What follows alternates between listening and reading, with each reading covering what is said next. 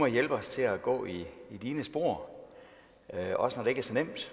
Og så beder vi om, at vi må tage den kæmpe opmundring til os, som du har til os i dag. Amen. Dette hellige evangelium, hellige evangelium skriver evangelisten Lukas.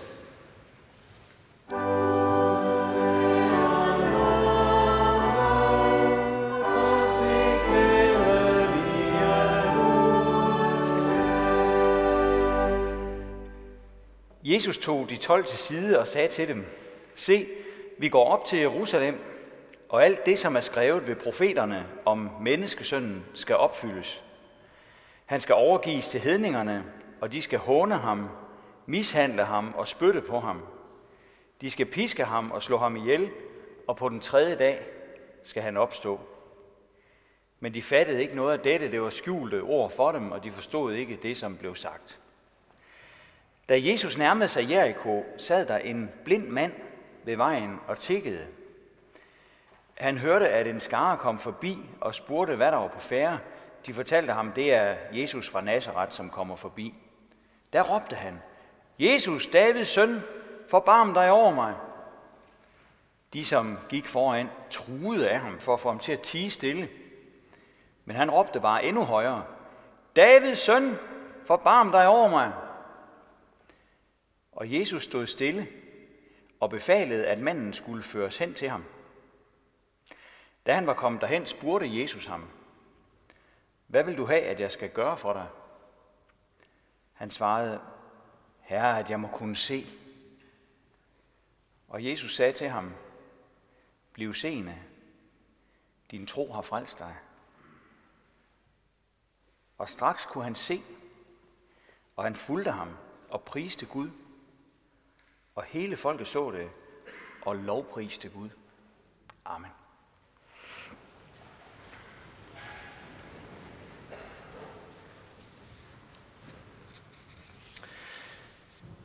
På DR2 var der forleden en dokumentar om at sidde varetægtsfængslet. Man interviewede to mennesker, der havde siddet inde i mange måneder, og de fortalte, hvad det havde gjort ved dem. De var begge endt med at blive pure frikendt. De var ikke blevet dømt for noget som helst, men alligevel havde de begge to fået men af det. Når man er varetægtsfængslet, så sidder man i en lille bitte celle, i 23 timer af døgnet har man ikke kontakt med nogen. Omgivelserne kan man heller ikke følge med i. Vinduet sidder helt op under loftet med træmmer for. Og sådan noget, det slider en ned. Som om det ikke var nok, så kan man også blive ydmyget og nedgjort, mens man sidder der. En kvinde fortalte, at hun skulle på toilettet og havde brugt klokken. Fængselsbetjenten var kommet, men han var fuldstændig ligeglad. Han havde bare kigget ind ad døren og sagt, det er ikke noget femstjernet hotel. Du kan bruge håndvasken. Så noget er jo værre end en låst dør. Her viste statens repræsentant jo, at fangen var værdiløs og ligegyldig for ham.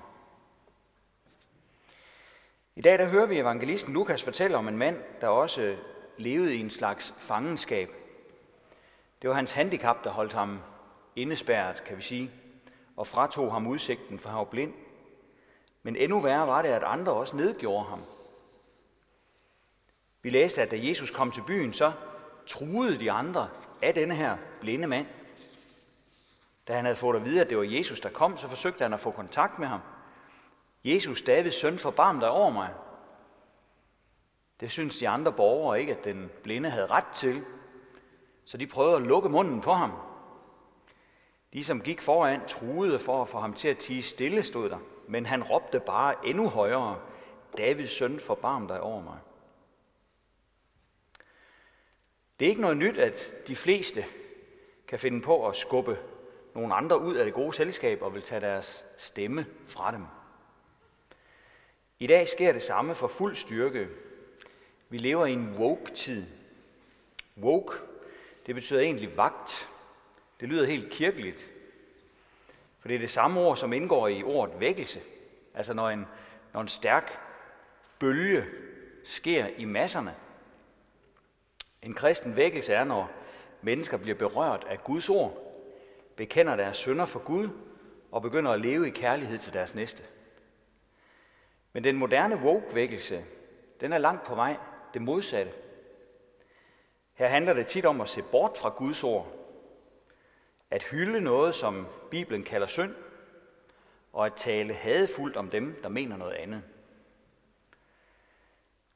Vores samfund i dag er blevet så gennemsyret af den nye vækkelse, at det næsten ikke er til at kende.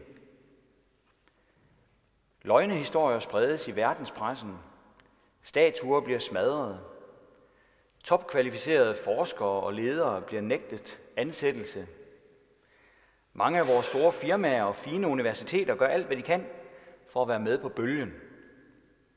Man hejser regnbueflag både her og der. Ikke for at sige det, som regnbuen oprindeligt var et symbol på efter syndfloden. Guds tolerance over for menneskene.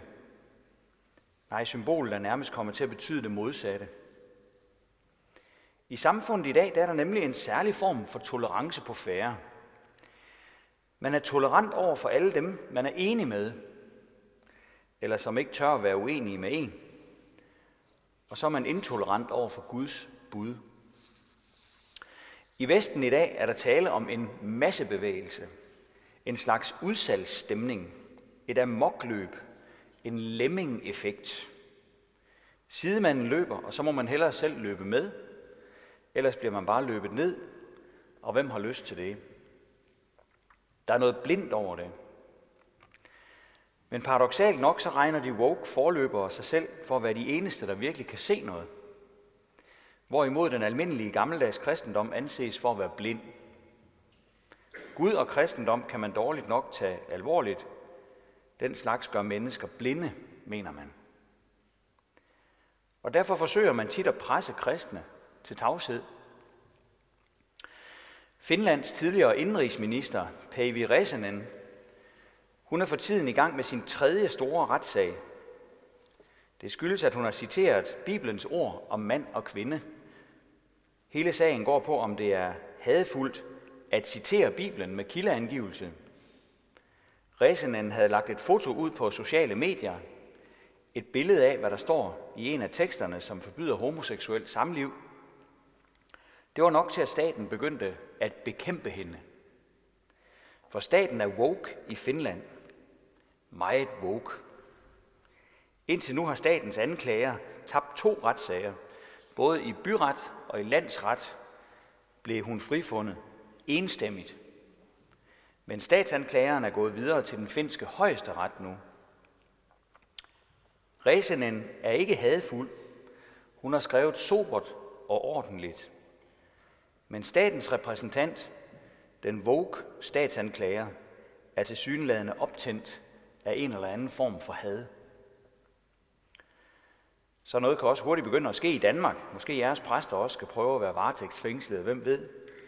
Det er ikke nødvendigvis science fiction, for kulturen hader langt på vej Guds ord. Og derfor kan det godt koste noget, hvis man vil stå fast på Bibelens budskab, sådan som enhver præst har aflagt ed på at ville gøre, og som enhver kristen i virkeligheden har pligt til.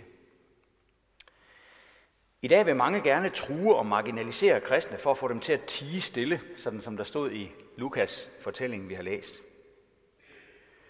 For der er jo det ved Guds ord, som kirken har fået betroet, at det lader ikke nogen af os i fred. Guds ord skaber uro og minder et hvert menneske om sine sønder.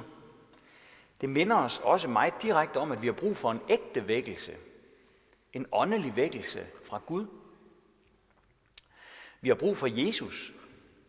Brug for, at han griber ind i vores liv og åbner vores øjne, så vi kan se sandheden. Det er derfor, vi skal huske at få læst i Guds ord, og huske at være med, hvor vi kan høre det.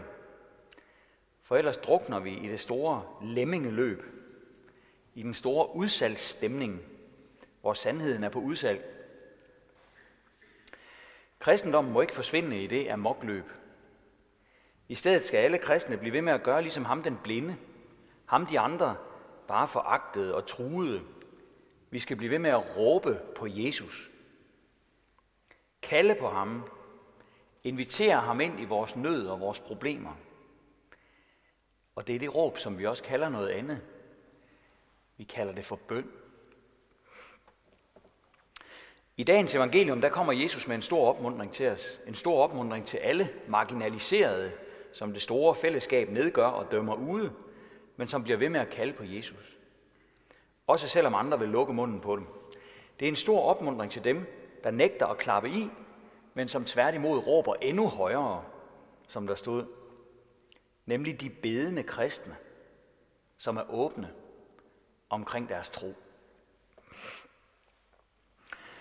Jesus kommer til de mennesker. Jesus han kommer til den nedgjorte og udstødte, der kalder på ham. Og det er ikke nogen nyhed. Kong David, han levede tusind år før Kristus, råbte til Gud, så det knagede.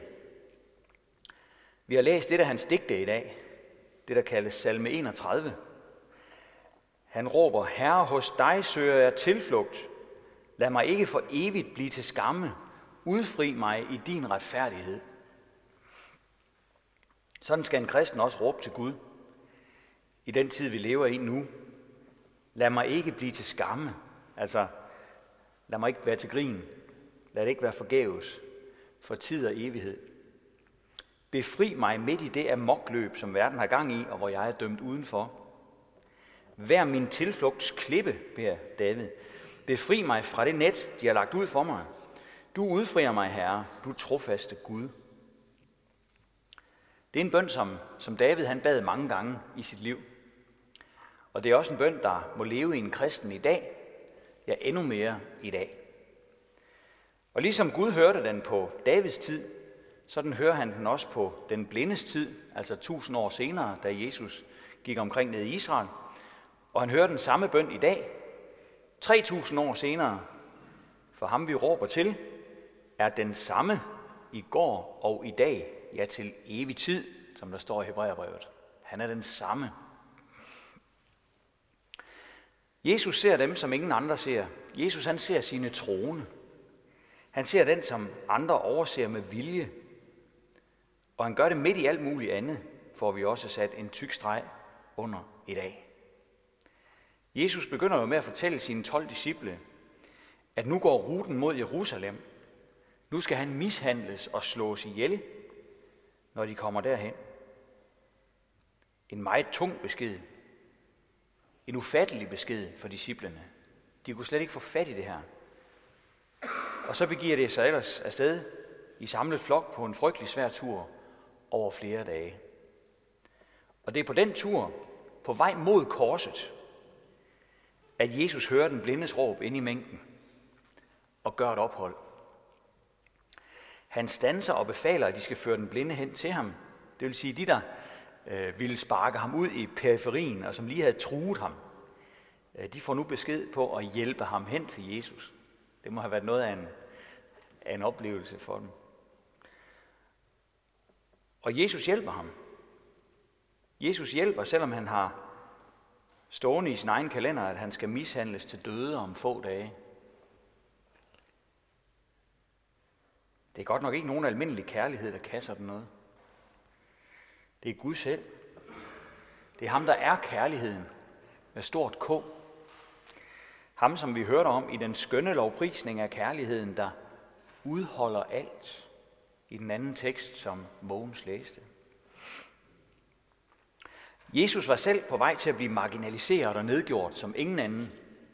Han var på vej til Jerusalem for at give sit liv under de mest ydmygende omstændigheder. Men inden da, der tog han sig altså tid til at mødes med den marginaliserede, der bad til ham. I vores danske oversættelse, der står der, at han sagde til den blinde, Bliv seende, din tro har frelst dig. På originalsproget, der står der faktisk endnu mere. Øh, der siger Jesus ordret, Se op, din tro har frelst dig. Se op. Se op, din tro har frelst dig. Det er altså beskeden til den oversete, den udstødte, som beder til Jesus. Den, der kommer til ham, vil han aldrig støde bort. Det fik den blinde at se den dag. Og det er en meget vigtig pointe for os at få med i dag. Og det er en lige så stor pointe, at Jesus siger, at vi skal se op. Når andre forsøger at få kirken til at tige stille, så skal vi se op. Når hele verden mener noget andet end Guds ord, så skal vi se op. Når vi bliver presset af omgivelserne, som forventer, at vi skal flyde med strømmen, så skal vi se op. Når vi er ved at gå sort i vores eget lukkede system af sorte tanker, så skal vi se op. Og det er Jesus, der gør det under, at vi kan se op. Vi kan ikke redde os selv ud af verdens amokløb. Men når Jesus taler til os i sit ord, så kan vi pludselig. For troen er en gave fra ham. En gave, der vokser, når vi lytter til ham. Troen er et helt nyt syn, som vi ikke har haft før. Et nyt syn på ham, et nyt syn på os selv, et nyt syn på andre mennesker. Når han taler til os, så kan vi begynde at orientere os. Vi kan begynde at se op. Der er så meget i vores liv, der kan få os til at se ned, eller til at se bagud, eller måske bare lige en lille bitte smule frem til noget meget kortsigtet og ikke mere. Men Jesus giver os et nyt syn, en ny optik, og så opfordrer han os til at se højere op, længere ud, for han har noget ufatteligt godt til os. Noget vi kan få. Og hvorfor kan vi få det? Det kan vi, fordi han gik hele vejen til Jerusalem, selvom han vidste, hvad der ville ske. Han gjorde det for alle, der kalder på ham. For de, der håber på Gud, bliver ikke til skamme, siger han. Ære være faderen og sønnen og helligånden, som det var i begyndelsen, så også nu og altid og i al evighed. Amen.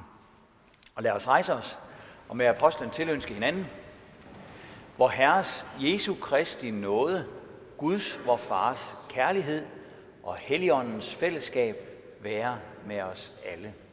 Amen.